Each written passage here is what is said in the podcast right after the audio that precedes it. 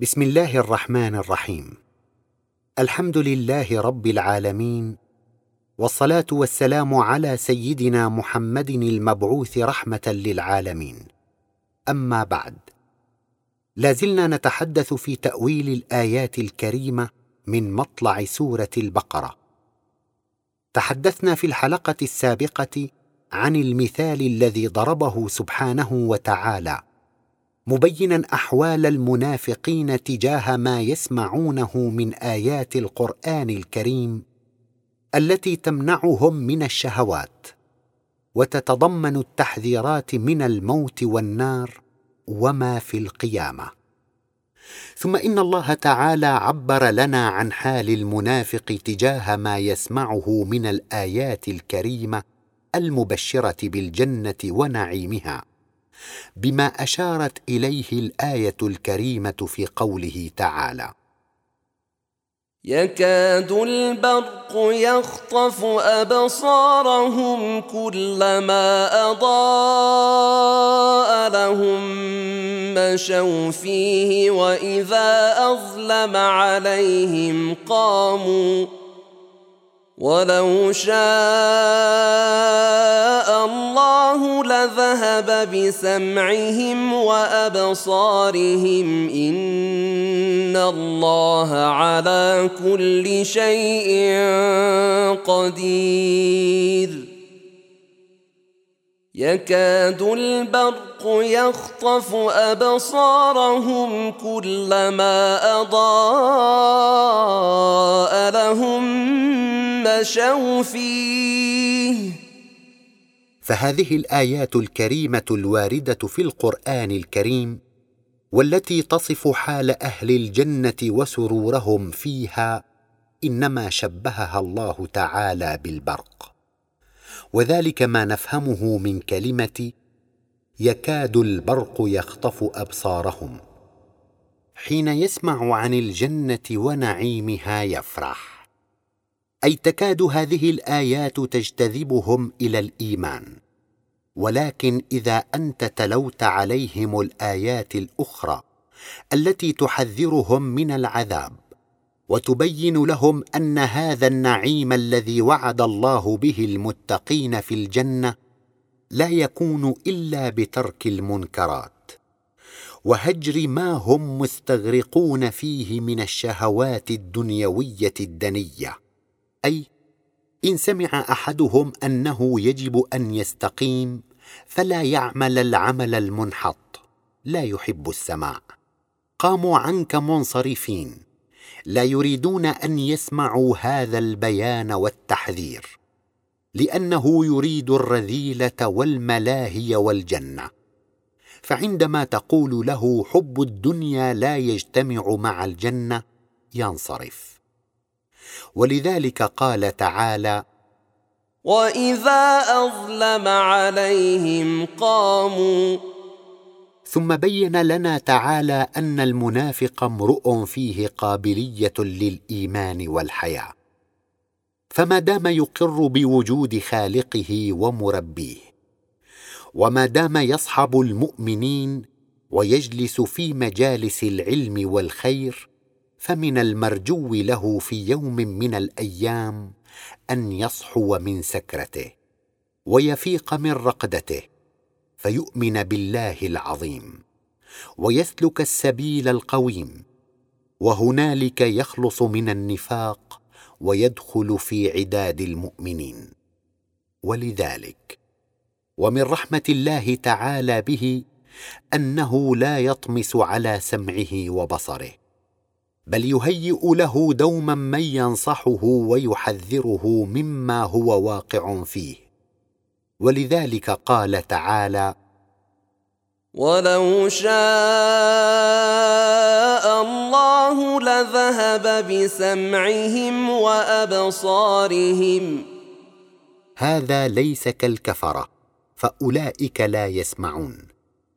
لكن المنافق يسمع. إلا أنه لا يطبق. فلعله يطبق. لذا لا يذهب الله تعالى بسمعه. قابلية شفائهم تجعله تعالى يمهلهم ويحلم عليهم. فانهم عادوا ورجعوا إليه أنار قلوبهم مهما تكن مظلمة. ويطهر نفوسهم مهما تكن خبيثة منحطة. وذلك ما أشارت إليه الآية الكريمة في قوله تعالى ان الله على كل شيء قدير. فلا تيأس أيها الإنسان من رحمة ربك ولا تقنطن من عفوه ومغفرته فإذا أنت تبت إليه قبل توبتك. وعفى عن سيئاتك. ومهما عظم الذنب فمغفرته تعالى أوسع. ومهما كثرت الخطايا فحنانه تعالى عليك أكثر وفضله عليك أعظم وأكبر. قال تعالى في سورة الشورى وهو الذي يقبل التوبة عن عباده ويعفو عن السيئات ويعلم ما تفعلون. ويستجيب الذين آمنوا وعملوا الصالحات ويزيدهم من فضله والكافرون لهم عذاب شديد. أما وقد بين الله تعالى لنا أحوال كل من المؤمنين والكافرين والمنافقين. فقد أراد تعالى أن يدعو الناس كافة إلى عبادته والسير ضمن دلالته التي أنزلها على عبده ورسوله صلى الله عليه وسلم وأن يحذرهم من مخالفة أمره ويبشر المؤمنين الذين أذعنوا لأمره وساروا ضمن نصيحته بجنته. ولذلك قال تعالى يا أيها الناس اعبدوا ربكم الذي خلقكم والذين من قبلكم لعلكم تتقون. الذي جعل لكم الأرض فراشا والسماء بناء وأنزل من السماء ماء فأخرج به من الثمرات رزقا لكم ۖ فلا تجعلوا لله أندادا وأنتم تعلمون. وإن كنتم في ريب مما نزلنا على عبدنا فأ فأتوا بسورة من مثله وادعوا شهداءكم من دون الله وادعوا شهداءكم من دون الله إن كنتم صادقين فإن لم تفعلوا ولن تفعلوا فاتقوا النار التي وقودها الناس والحجارة أعدت للكافرين وبشر الذين آمنوا وعملوا الصالحات أن لهم جنات تجري من تحتها الأنهار. كلما رزقوا منها من ثمرة رزقا قالوا هذا الذي رزقنا من قبل وأتوا به متشابها ولهم فيها أزواج مطهرة وهم فيها خالدون ونبدأ بالآية الكريمة وهي قوله تعالى يا أيها الناس الناس اعبدوا ربكم الذي خلقكم والذين من قبلكم لعلكم تتقون. فنقول جاء الخطاب في هذه الآية الكريمة موجها للناس عامة. إذ قال الله تعالى يا أيها الناس جمعت كل البشر والناس إنما تعني النوع الإنساني وقد سموا بالناس لما في الإنسان من القابلية إن أناب إلى ربه وأعرض عن دنياه الزائلة. لأن يأنس بالله تعالى ويأنس به الخلق. فالإنسان إذا عرف خالقه وخالطت محبة الله تعالى قلبه فهنالك تأنس به وتسر بصحبته أكثر من كل مخلوق على وجه البسيطة.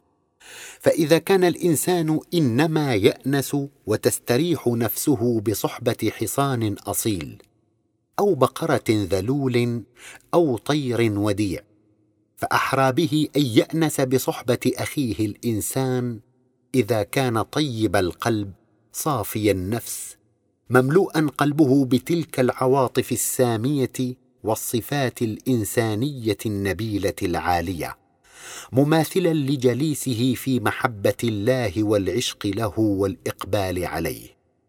أما ما نراه اليوم من كراهية الإنسان لمجالسة الناس.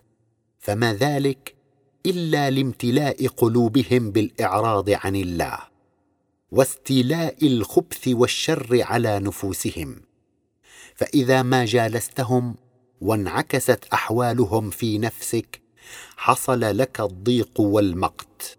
وتمنيت لو تجلس إلى حيوان أو تنفرد وحدك. وفي الحديث الشريف الوحدة خير من جليس السوء والجليس الصالح خير من الوحدة. والمؤمن إنما يأنس بالمؤمن ويرتاح قلبه معه. ويؤيد ذلك ما روي عن أصحاب رسول الله صلى الله عليه وسلم أنهم كانوا إذا جلس بعضهم إلى بعض قال أحدهم لصاحبه اجلس بنا نؤمن ساعة. وتبين لنا ذلك كله الآية الكريمة التي تأمرنا بأن نصل نفوسنا بنفس رسول الله صلى الله عليه وسلم الزكية الطاهرة. إذ قال تعالى في سورة الأحزاب إن الله وملائكته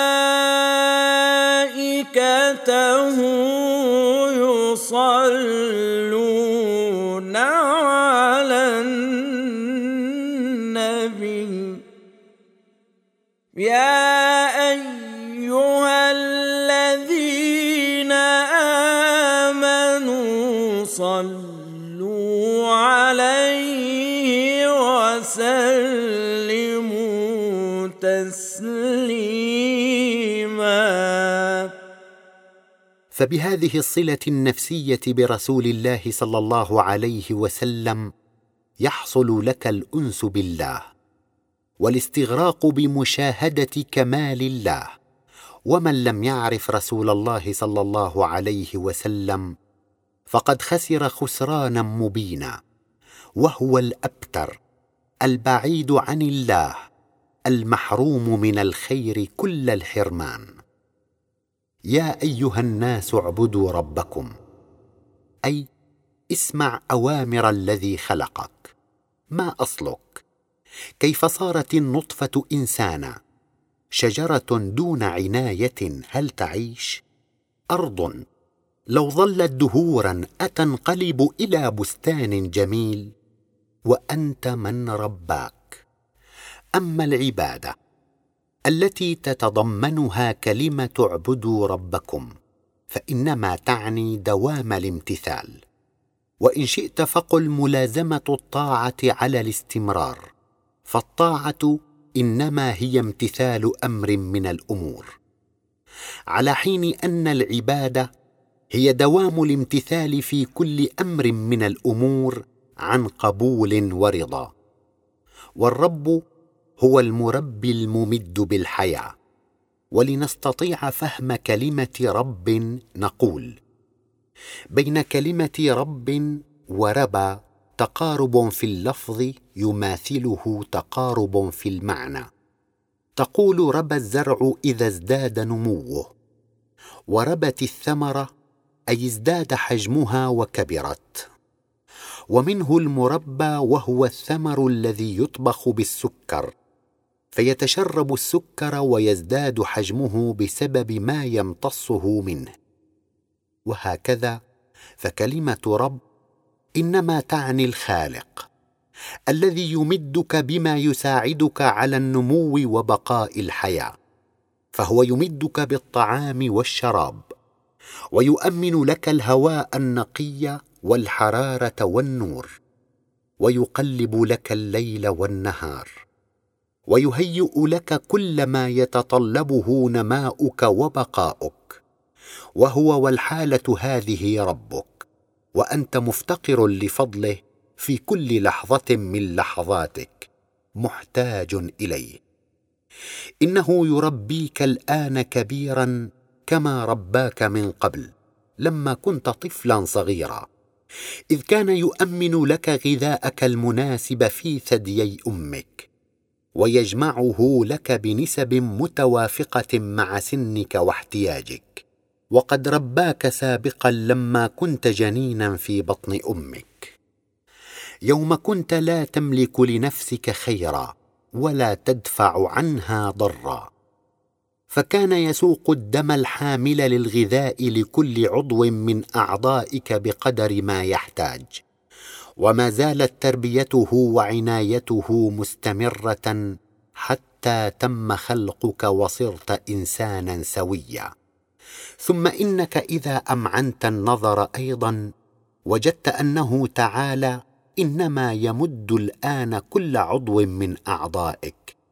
بما يحتاج من مواد ويهيئ لكل جهاز من أجهزتك ما يتطلبه من إفرازات. وفوق ذلك كله إنما يمدك بالروح التي تتأمن حياتك بها. وإلى جانب ذلك كله أيضا أنه تعالى يمد نفسك بالحياة كما يمد جسمك بالروح. ولولا إمداده تعالى المتواصل لانطفأت شعلة النفس. بل لزالت من الوجود ولم يبق لك أثر. وإن نحن شبهنا الإنسان بفتيل سراج مشتعل نجد أن دوام الاشتعال يتوقف على الزيت الساري في كل ذرة من ذرات الفتيل. وهكذا بقاء حياتك. وإن شئت فقل دوام وجودك يتوقف على دوام الإمداد الإلهي الساري في كل ذرة. لا بل القائمة به كل ذرة من ذراتك. أفتعبد بعد هذا كله غير ربك وتطيع سواه؟ ممن لا يملك لك ضرا ولا نفعا ولا موتا ولا حياة ولا نشورا. ذلك بعض ما نفهمه من كلمة يا أيها الناس اعبدوا ربكم أما كلمة الذي خلقكم فهي إنما تشير إلى مراحل عديدة في الخلق. كما أشارت من قبلها كلمة ربكم فالخلق هو الإيجاد في الأصل والإخراج إلى عالم الوجود. فالذي أخرجك إلى الوجود في عالم الأزل نفسا مجرده والذي خلقك في بطن أمك خلقا من بعد خلق في أطوار متعددة والذي أخرجك إلى هذه الدنيا وسواك بهذا الحال من الكمال. هذا الخالق الذي خلقك ورباك هو الحقيق بالعبادة. الجدير أن يطاع على الدوام. والذين من قبلكم أي من عهد سيدنا آدم صلى الله عليه وسلم إلى الآن فإن فكرت هذا التفكير بأصلك وأن أرضا لو بقيت دهورا أتنقلب لبستان جميل النطفه كيف صارت إنسانا شجرة دون عناية أتعيش وأنت من رباك. فإن عرفت المربي وسرت ضمن ما أمرك به وصلت إلى التقوى التي تحدث لك تعالى عنها في مطلع هذه السورة الكريمة. ولذلك ختم تعالى هذه الآية بقوله لعلكم تتقون أي إذا أنتم طبقتم دلالة ربكم الذي خلقكم والذين من قبلكم كان ذلك سببا في وصولكم إلى التقوى. فرأيتم الخير خيرا والشر شرا. وعرفتم أن كل ما يأمركم به هذا الخالق المنعم والرب الممد المتفضل إنما هو لخيركم وسعادتكم. أي إن عرفت المربي وعرفت لا إله إلا الله صليت. عندها تصل للتقوى. كل الأوامر لتصل للصلاة. لأن الكمال من الله. إن لم تصل فلن تصبح كاملا. تارك الصلاة لا خير فيه. على أن العبادة التي أمرت بها هذه الآية الكريمة لا تعني كما يتبادر لبعض الأذهان. الاقتصار على بعض الأوامر الإلهية من صلاة وصيام وحج وزكاة وتسبيح وقراءة قرآن إلى غير ذلك مما اصطلحوا على تسميته بالعبادات. فإن الإنسان إذا قام بهذه الأعمال مقتصرا عليها لا يكون قد عبد ربه حق العبادة. لأن العبادة كما قدمنا هي دوام الامتثال في كل أمر من الأمور ولزوم الطاعة على الاستمرار عن رضا وكامل محبة وقبول. ومن هنا يتبين لنا أن كلمة العبادة ينطوي تحتها سير الإنسان ضمن أوامر ربه في مطعمه ومشربه وملبسه ومسكنه وبيعه وشرائه. ومعاملته لزوجته وتربية أولاده. لا بل في كل شأن من شؤونه. ورأس العبادة وأهم شيء فيها أن يسلك الإنسان طريق التفكير فيتعرف عن طريق النظر والاستدلال إلى خالقه ومربيه ومسيره الذي تفرد بتدبير شؤون السماوات والأرض. والذي إليه وحده المرجع في كل شيء. وذلك ما عبرت عنه كلمة لا إله إلا الله التي هي أول ركن من أركان الإسلام. وهكذا فكلمة اعبدوا ربكم تأمر الإنسان أن يخضع للأمر الإلهي منذ أول خطوة من خطوات سيره. وفي كل عمل من أعماله دون أدنى ميل أو انحراف. وكيف ينحرف الإنسان عن تطبيق أوامره تعالى أو يحيد؟ وما الأوامر الإلهية إلا وصايا وتحذيرات؟ تبين للإنسان ما يجب أن يفعله وما يجب ألا يفعله. ليكون سعيدا في هذه الحياة الدنيا وفي تلك الحياة الأبدية. سعادة ليس لها حد ولا انتهاء. وإذا كان الواحد منا يطيع أوامر طبيبه ولا يخرج عن تعاليمه وتطبيق وصاياه في استعمال دوائه الذي وصفه له أو القيام ببعض الإسعافات الضرورية أو الامتناع والحمية عن بعض الأطعمة والأشربة ولو كانت مرغوبة لديه.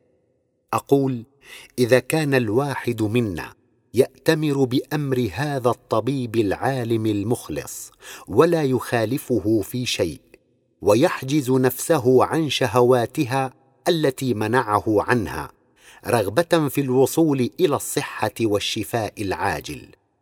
أيخالف الإنسان خالقه الذي خلقه وأوجده؟ وهو سبحانه العليم بما ينفع هذا الإنسان. وما يضره وهو الرحيم به العطوف عليه فلا يأمره إلا بما يجلب له الخير والهناء ولا ينهاه إلا عما يسبب له التعاسة والشقاء. أفتخالف أيها الإنسان خالقك الذي خلقك وأخرجك إلى هذه الدنيا لتنال السعادة الحقيقية وتحيا من بعدها حياة طيبة أبدية. وإذا كنت حينما تشتري آلة من الآلات أو اختراعا من المخترعات إنما تنظر أول ما تنظر إلى النشرة المرفقة به فتدرسها وتتعلم كيفية الاستعمال. ثم تحاول تطبيق ما ورد في النشرة من وصايا وتعليمات. وتحذر كل الحذر مخالفة ذلك. تجنبا لما قد ينشأ عن هذه المخالفة من مخاطر وأضرار. وعلما منك بأن المعمل أو المصنع الذي صنع هذه الآلة هو أدرى بكيفية الاستعمال. أقول إذا كان الإنسان يفعل ذلك ويحرص عليه تجنبا للأذى وحبا بالسلامة والخير أفلا يجدر بهذا الإنسان أن يتبع تعاليم خالقه الذي خلقه وأتقن صنعه وخلق الكون كله من أجله؟ أفلا يجب عليه أن يطيع ربه الذي فطره على هذا الكمال وأنزل له على لسان رسوله صلى الله عليه وسلم من التعاليم؟ وشرع له من الدين ما يجعله سعيدا مدى الدهر وأبد الآباد. وهل يخرج العاقل عن عبادة ربه وطاعته ويلحق بشهوة زينها له الشيطان وأغواه بها هذا العدو الذي حذره منه الله تعالى؟ هذا وقد ندد تعالى بمن يلحق هواه ولا يبتغي إلى الحق سبيلا بقوله سبحانه وتعالى في سورة الفرقان أرأيت من اتخذ إلهه هواه أفأنت تكون عليه وكيلا؟ أم تحسب أن أكثرهم يسمعون أو يعقلون؟ ان هم الا كالانعام بل هم اضل سبيلا وأشار تعالى يذكر رسوله الكريم صلى الله عليه وسلم في طاعته لربه وإخلاصه في عبادته بقوله تعالى في سورة الزمر قل الله اعبد مخلصا له ديني فاعبدوا ما شئتم من دونه. قل إن الخاسرين الذين خسروا أنفسهم وأهليهم يوم القيامة ألا ذلك هو الخسران المبين. نكتفي اليوم بهذا القدر ونتابع تأويلنا لآيات سورة البقرة في الحلقة القادمة إن شاء الله. والسلام عليكم ورحمة الله وبركاته.